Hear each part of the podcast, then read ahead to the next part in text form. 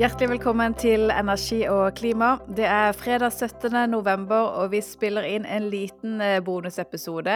Bare fordi det skjer så mye i EU på energi- og klimafeltet at vi nesten mister oversikten om det går for lang tid mellom hver gang vi har eh, en EU-podkast.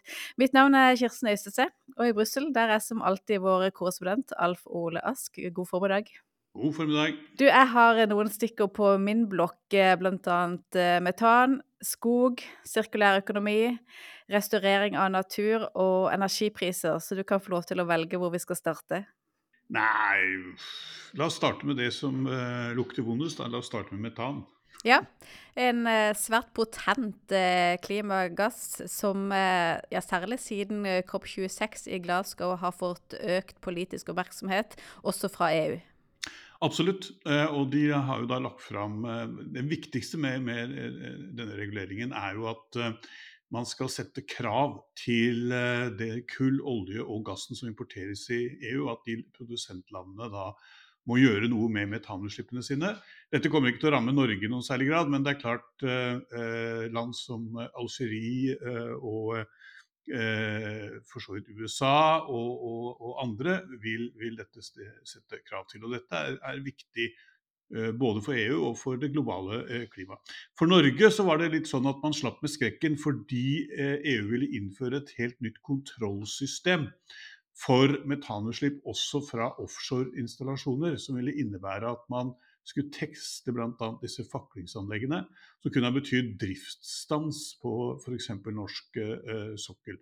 Dette ble da endret under behandlingen, sånn at man kan gjøre dette automatisk og ikke fysisk, og dermed så unngikk man eh, akkurat dette. Så, men reglene som sådan vil ikke få noen store konsekvenser for Norge ut fra de opplysningene som vi har så langt. Hvor krevende blir det for andre land å leve opp til de reglene for metanutslipp?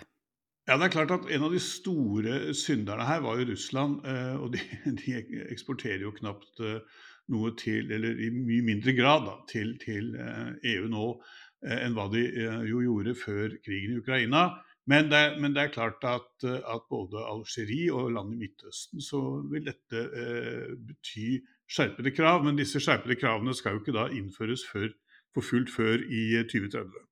Men da får de også et betydelig dokumentasjonskrav, men det ligger da noen år eh, nede i veien. Mm.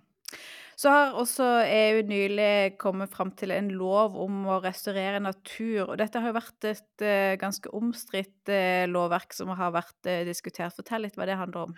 Ja, dette handler om at man skal tilbakestille f.eks. Eh, landbruksområder som er laget på eh, oppdemmet eller, eller uttørret myr. Det betyr at man skal åpne bekker, man skal sikre at det finnes parkanlegg nær tettbygde strøk og den type ting, men mest da, få natur og, og innlands vassdrag tilbake eh, til det opprinnelige for, for de som må redde naturen, og også skape eh, si et miljø hvor, hvor, truede dyre- og insektarter kan, kan, leve. Og det gjelder jo ikke minst da den delen av insektsverdenen som, som, foretar bestøving. Så, så, dette er veldig viktig. Eh, det har vært eh, en stor strid fordi dette griper jo inn i grunneiernes eh, for så vidt disposisjonsrett over jord- og landområder. Eh, og eh, det loven som nå er vedtatt, gikk jo gjennom både i ministerrådet og i parlamentet. Den er ikke vedtatt, men den loven de nå har fremforhandlet mellom institusjonene, og som skal endelig liksom ha sandpåstrøing i løpet av kort tid, den gikk gjennom med, med, med minst mulig flertall både i, i, eh, ministerrådet, altså blant medlemslandene, og Europaparlamentet. Så dette har vært en tung bør, men for kommisjonen har det vært veldig viktig å få en lov på plass selv om den er noe utvannet. Det er bl.a. slik at man har en opptrappingsplan her, sånn at innen 2030 så skal man ha satt i gang eh, restaurering av noe sånn som 20 av, av de landområdene som er skadet og, og, og vassdrag. Eh, og man har et sånt tall som sier at 81% av naturen i, i EU er eh, det man kaller for dårlig helse, så dette er veldig viktig både miljømessig og ikke minst også klimamessig. Hva innebærer det at den har dårlig helse? Ja, Det betyr jo at det har vært gjort eh, inngrep eh, der, og at man har Dette er utsatt for forurensning over lang tid fra industri osv. Så videre, sånn at det betyr at man da, da har påført naturen skader som man da, da forsøker å, å, rette opp. Og Dette er en veldig viktig lov i, i det grønne skiftet, fordi eh, dette både sikrer naturen, men det er også slik at eh, i en lang rekke av disse tilfellene så vil dette også være veldig bra for klimaet. Og når dette har vært eh, omstridt, er det fordi det koster penger? Er det fordi at man må gi avkall på annen aktivitet? Altså, Hva handler det om konkret? Det, det eh, ja. ja, du har rett. Dette handler eh, selvfølgelig om at eh, dette koster penger. Men det handler også om som jeg var inne på her, hvem det er som skal disponere og ha disponeringsretten over, over jorda. ikke sant? Det er klart at Deler av det industrielle landbruket har ikke likt dette her spesielt godt. Fordi det går utover disposisjonsretten som grunneiere har. Og det var slik at det var jo da EPP, altså Det europeiske Folkeparti, sentrum-konservative, som rundt omkring i Europa ofte er bøndenes parti, som jo snudde i Europaparlamentet, og som stemte mot. Men det var såpass mange utbrytere at uh, denne uh, loven passerte allikevel i uh, parlamentet. Men dette er, er, veldig kontroversielt, og du får flere slike lover framover nå som handler om natur og disposisjonsretten over natur og som kommer til å øke motsetningene mellom natur og klimapolitikk, men som også kommer til å, å sette grenser for hva eh, folk som eier naturområder kan, kan, gjøre. Og dette kommer til å være meget kontroversielt eh, framover. Det ser vi eh, allerede. Eh, du har elementer av dette både i denne Net Zero Act, Eh, og i denne loven om eh, sjeldne råmaterialer, som EU nå eh, behandler, og som også er EØS-relevant, og som har konsekvenser i Norge, fordi dette vil gripe inn i den betente debatten man har i Norge mellom f.eks. urfolk, altså samenes rettigheter, og storsamfunnets rettigheter. Ja, Betyr dette at det er EØS-relevant, som vil si at det også vil da bli gjeldende for Norge? Eh, denne naturrestaureringsloven her har man da i kjent norsk stil ennå ikke avklart om er EØS-relevant, men Norge, den norske regjeringen skal komme med en stortingsmelding i løpet av våren som omhandler mye av det, av det samme. Men om hele eller deler av den er EØS-relevant, er ikke da avklart. Men kommisjonen har merket en EØS-relevant. Bra. Eh, tredje stikkordet Tredje stikkord som jeg hadde på blokka, det er sirkulær økonomi. Det er jo et liksom begrep som eh, man kan putte mye i. Men de konkrete sakene som EU eh, og parlamentet da særlig har jobba med i siste tiden, det er jo da krav til at man skal ha mindre emballasje, man skal ha regler for gjenbruk av emballasje, og også regler for at det skal være enklere å reparere ting. Si litt om de diskusjonene de har, og hva konkret som kommer til å komme fra EU. Ja, eh, Neste uke så skal jo da parlamentet behandle og komme opp med sine standpunkter til, til dette her. Og eh, av, Når det gjelder dette eh, lovverket som gjelder emballasje, så er jo da noe av, eh, av formålet her er å få redusert det som man mener er unødvendig innpakking. Altså, eh, du har sikkert uh, kjøpt deg uh, f.eks. et Apple-produkt noen gang, eller noe annet sånn elektronikk som er pakka i sånn hardplast. Ikke sant? Og hvor du da står der med en kniv og saks og skal forsøke å få av det der greiene som er, er rundt. og dette er liksom noe av det som da EU nå peker på, er at det er helt unødvendig å, å drive og pakke denne type ting inn i, i ulike sånne plastlag. Det, og, og de vil forsøke å dempe bruken av plastemballasje der hvor det ikke er, eh, er uh, viktig av mer hygieniske hensyn. Det gjelder også dette med bruk av sånne handleposer som du da putter varene dine i. og også ikke minst, som jeg ser rundt omkring i, her i Brussel når du går og handler, det er dette med at man forsøker å stoppe at man da har disse små plastposene som man putter frukt osv. Eh, oppi, og heller da ha noe som er man kan ha gjenbruk på. Når det gjelder reparasjoner, så er jo det et krav da, til produsentene av ulike produkter at det skal være mulig å reparere disse. Det gjelder alt fra elektronikk osv. Eh, slik at man da ikke skal ha dette, denne situasjonen hvor man rett og slett pælmer ting når, når det ikke eh, funker.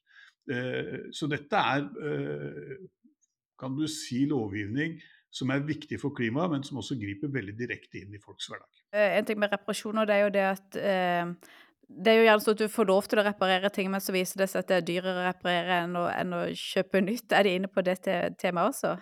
Ja, det er, det er, helt åpenbart. Det er, er en, en, viktig bit av det, at det ikke skal være, eh, skal være uh, sånn. Men, her kommer det nok til å være en ting, del ting som, og løyper som må uh, gås opp. Men det er jo interessant å se Hvis du går bare noen få år tilbake, så var det jo knapt noen sted hvor du, du kunne f.eks. få sydd om ting. Eh, det, eh, både i Oslo og her i Brussel og rundt forbi, så er jo det blitt en sånn liten industri. Eh, og særlig når det gjelder klær f.eks., så ser man jo gjenbruk og den type ting. Sånn at dette er på gang, men EU da styrker altså Tesen her er at EU vil styrke forbrukerens rettighet til å få ting reparert, så man slipper å, å kjøpe Mm. Men dette er foreløpig diskusjoner som ligger i parlamentet. Når forventer man at det kommer noe lovvedtak? Ja, altså Nå skal jo da parlamentet eh, behandle og votere over disse tingene i dagene som nå kommer, ukene som nå kommer. Og så, eh, må jo da, eh, så skal jo da parlamentet og ministerrådet møtes og, og forhandle fram den endelige lovteksten. Håpet er jo at dette skal være på plass Eh, rundt nyttår, helt i begynnelsen av, av neste år. Sånn at, eh, at man eh, da har dette kan tre kraft før valget til Europaparlamentet til våren. Fordi nå stopper jo en del av lovgivningsprosessen opp i EU rett over jul, når man da går inn i valgkampmodus. Så har jeg tema på blokka, det er skog, eller eh, LULUCF, som eh, det er kjent som en spesialsak for Norge, som vi har synes, eh, eller noen i regjeringen har syntes vært vanskelig å forholde seg til. Krav om opptak av CO2 i skog. Det er funnet en slags løsning på det? Ja, Vi vet vel ikke ennå om det er funnet en løsning, men det er iallfall startet på, på noe. og det er jo at Norge da vil kjøpe utslippsrettigheter. Eh, det finnes en mekanisme for dette innenfor denne LULUSUF-forordningen, eh, som Norge da vil, eh, vil, bruke, og har bedt om en, nærmest en opsjon til å bruke inntil 3 milliarder kroner på, på, det. Og I tillegg til det så viser det seg vel at denne referanseperioden var Et av problemene med, med dette for Norges er jo at EU eh, e har valgt en periode hvor man foretar beregninger i forhold til opptak av CO2. Eh, og den perioden var eh, si, en god periode for den norske skogen, fordi da var den på toppen til skogplantingen etter annen verdenskrig. Og så, Hvis man da skal ha en økning av opptaket, så vil det bety en sterk inngripen i hva man kan gjøre med skogen i noen år framover nå. mindre avvirkning, mindre hytteutbygging eh, etc. Eh, nå viser det seg at eh, antageligvis så er ikke det utslaget så stort som det man trodde. Og så skal man da forsøke å kjøpe seg ut av noen av disse eh, forpliktelsene på norsk side. Dette er åpenbart noe regjeringen ikke er så veldig opptatt av å flagge på. for jeg har knapt sett noen som har lagt fram en proposisjon eh, så eh, stille og rolig som det de, eh, da de gjorde. og den tittelen på denne proposisjonen er jo så lang og omfattende at det er ikke lett å forstå hva, hva som egentlig er meningen, men det er jo da dette der. Og så får vi se om dette løses. Norge er nå da i forhandlinger sammen med de to andre EFTA-EØS-landene med kommisjonen om hvordan dette skal tilpasses. Mm. Men det, i sum så handler det altså om at Norge i dag ikke ligger an til å ta opp så mye CO2 i skogen som det EU stiller krav om. Og i stedet da for å redusere hogst eller eh, bygge eller plante skog for, for å binde mer CO2, så ser man på å kunne kjøpe da skogkreditter fra andre land som, eh, som ligger bedre an. Det er helt korrekt. Eh, det å plante skog tar jo sin tid, så det vil jo ikke løse dette problemet. Som sagt, trær vokser jo ikke så fort, i hvert fall ikke i Norge. Men, men, det er helt riktig. Men et av problemene her er jo om det er noen slike kreditter å kjøpe. Eh, ikke sant? Eh, eh, EU skjerper kravene og skal jo om noen år altså ta opp 320 millioner tonn CO2 eh, på denne måten. Og, og det er 310. jo 310 var det, ja. Nettopp. Og det er jo da et tøft krav, og da vil det jo være spørsmål, og det står det for så vidt i den proposisjonen også, at det er uklart om det er slike kreditter å, å, få kjøpt i land som da eh, tar opp mer enn det kravet er. Men hvis vi finner en løsning på dette, og Norge kan kjøpe skogkreditter, så er jo det kanskje en, en måte å få med hele regjeringen på å da godta LULUCF-forordningen? Altså, poenget er jo her at hvis Norge ikke godtar dette, så får dette konsekvenser for den klimaavtalen som vi har inngått med EU. For det er jo der eh, dette er hjemlet. Og dette er jo en, for så vidt en viderebygging på den klimaavtalen vi allerede har. Og Hvis Norge da hopper av eh, dette, samtidig som vi liksom har laget en grønn allianse med EU, og EU har signalisert at man kan liksom ikke drive sånn cherry-picking, som det kalles på fagspråket, altså at man tar de delene man liker og ikke de andre delene, så er det klart at dette kan sette også deler av EØS-avtalen eh, i fare. Eh, og det kommer til å kunne bli en meget alvorlig situasjon mellom EU og Norge. Hvordan blir denne prosessen nå videre? Du sier at det, det er lagt fram en uh, proposisjon så, så, stille som mulig, men uh, den må være til behandling? Ja, den uh, må behandles, og den må antakeligvis behandles ganske raskt. Men dette er jo for så vidt et, bare en, en, en, fullmakt som regjeringen ber om. Og så forhandles det da her nede om hvordan dette skal såkalt implementeres. Det vet vi veldig lite om, fordi eh, denne regjeringen i likhet med andre regjeringer er ekstremt lite meddelsom når det gjelder detaljer i denne type eh, forhandlinger, samtaler med EU om hvordan man innfører allerede vedtatte lover i EU-EØS-avtalen. Ok, Men du følger med og gnager på KLD så mye du kan for å få ut informasjon? Der også. Bra. Du, eh, siste punkt på lista mi, det er energipriser. Og vinteren står jo for døra, og det er en stor usikkerhet om hvordan energiprisene kommer til å utvikle seg. Ja, eh, det er det. Og det har jo noe å gjøre med den globale politiske situasjonen, for å, for å si det slik. Vi har den permanente krigen i Ukraina. Eh, som jo har påvirket energimarkedet enormt i 2021-2022. Altså opptrappingen 2021 eh, og krigen i 2022. Eh, eh, som førte til disse enorme eh, gassprisene som slo ut i strømprisen. Nå ligger jo da gassprisen på et mer behagelig nivå sett med forbrukernes øyne, men fortsatt betydelig over hva man hadde i tiden før liksom, opptrappingen og før, før uh, Putin begynte å, å, å, manipulere gassmarkedet uh, høsten 2021. Uh, men så fikk man da nå krigen i Midtøsten på toppen. Og krig i Midtøsten har tradisjonelt sett betydd høyere olje- slash gasspriser. Man har ikke sett den type utslag så langt. Men begge disse to tingene fremhever nå uh, kommisjonen i sin uh, outlook, som det heter, altså framtidsanalysen for det neste halve året, som to veldig store usikkerhetsmomenter for den fremtidige gassprisen. Og så går man jo da nå inn i en vinter. Blir det veldig kaldt, så vil det kunne føre til eh, sesongsvingninger i gassprisen som vil slå inn i strømprisen. Eh, og Det regner man med. Og så er det en ukjent faktor til, og det er Kina. Eh, hva som skjer med den økonomiske veksten i Kina og behovet for energi. I dag konkurrerer jo store EU-land om import av LNG, flytende eh, nedkjølt naturgass, særlig fra USA og Midtøsten, og som holder da gassprisen på verdensmarkedet ganske, ganske høy. Så, så, eh, selv om eh, gasslagrene i EU er smekkfulle, selv om EU har klart å spare noe sånt som 18% av gassforbruket målt mot gjennomsnittets forbruk i de fem siste årene. Eh, og man har klart å bygge ut betydelig grad av, av, fornybar energi, ikke minst solenergi. Så er det fortsatt store usikkerheter knyttet til, til eh gassprisen, og dermed også strømprisen framover. Og man må antageligvis fram til 2025 en eller annen gang før man liksom tror man er over i et smulere farvann hvor man kan, kan uh, trekke pusten og, og, si at man har kommet gjennom, uh, gjennom denne, denne, alvorlige situasjonen. Eh, ja. Du nevnte smekkfulle gasslagre, og EU har jo vært opptatt av å fylle opp disse gasslagrene gjennom høsten. Men hvis det kommer en, en veldig kald og lang vinter, hvor, hvor, mye hjelper det egentlig? Altså, hvor store er disse gasslagrene? Altså, gasslagrene er eh, altså godt over 25 da kan du si, av det totale forbruket på et normalår i, i, EU.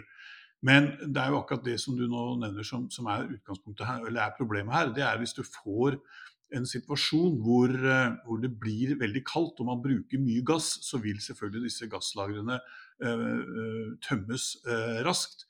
Eh, fordi man da vil bruke av lagrene for å dempe Eh, prisvirkningene som man da vil få ved å måtte importere dyr gass. Så, så, det er klart at selv om gasslagrene nå er fulle, og selv om dette er en helt annen situasjon enn det man gikk inn i i 2021-2022, så er, eh, den, er den store ukjente faktoren her er været. Mm. Bra. Du følger med også på det utover eh, vinteren. Du, eh, Forrige toppmøte der var jo ikke klima en sentral del av agendaen, og det neste toppmøtet er i eh, midten av desember, altså om ca. en måneds tid. Heller ikke der kommer klima til å være veldig høyt oppe, sånn som det ser ut nå? Nei, det er et toppmøte som kommer til å bli eh, viet uh, utvidelsen av EU og den rapporten som kommisjonen la fram for kort tid siden. Og uh, dette kommer til å bli et toppmøte hvor man da skal invitere til forhandlinger med bl.a. land som uh, Ukraina. Og det som er det store her, er jo at EU må jo gjennomføre noen ganske kraftige endringer, de også. Det er ikke bare et krav til de landene som skal bli medlem.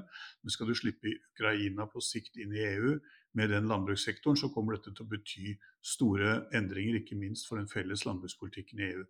Så dette kommer til å bli det dominerende temaet på det, det toppmøtet. På samme måte som det toppmøtet i oktober var jo preget eh, i stor grad av, av situasjonen i eh, Eh, Midtøsten, altså krigen mellom Hamas og, og, Israel. Så du kan si at på mange måter vil disse toppmøtene nå bli preget av den geopolitiske situasjonen. Og det som er viktig for EU, eh, er jo på en måte å opprettholde tempo i lovgivningen på det grønne skiftet, men det er også å sørge for at eh, unionen står samlet Eh, i forhold til eh, krigssituasjonen og, og, og, i Ukraina og, og, med sanksjoner overfor Russland. Og der planlegger man nå en tolvte sanksjonspakke mot Russland i disse dager. Mm. Fint. Du, takk for oppdateringen fra Brussel, Alf Olask. Takk skal du ha. Takk også til du som lytter på. Hvis du eh, ikke allerede abonnerer på Energi og klima i din foretrukne podkastapplikasjon, så gjør gjerne det. Så får du neste episode automatisk opp i spillelista di. Takk for i dag.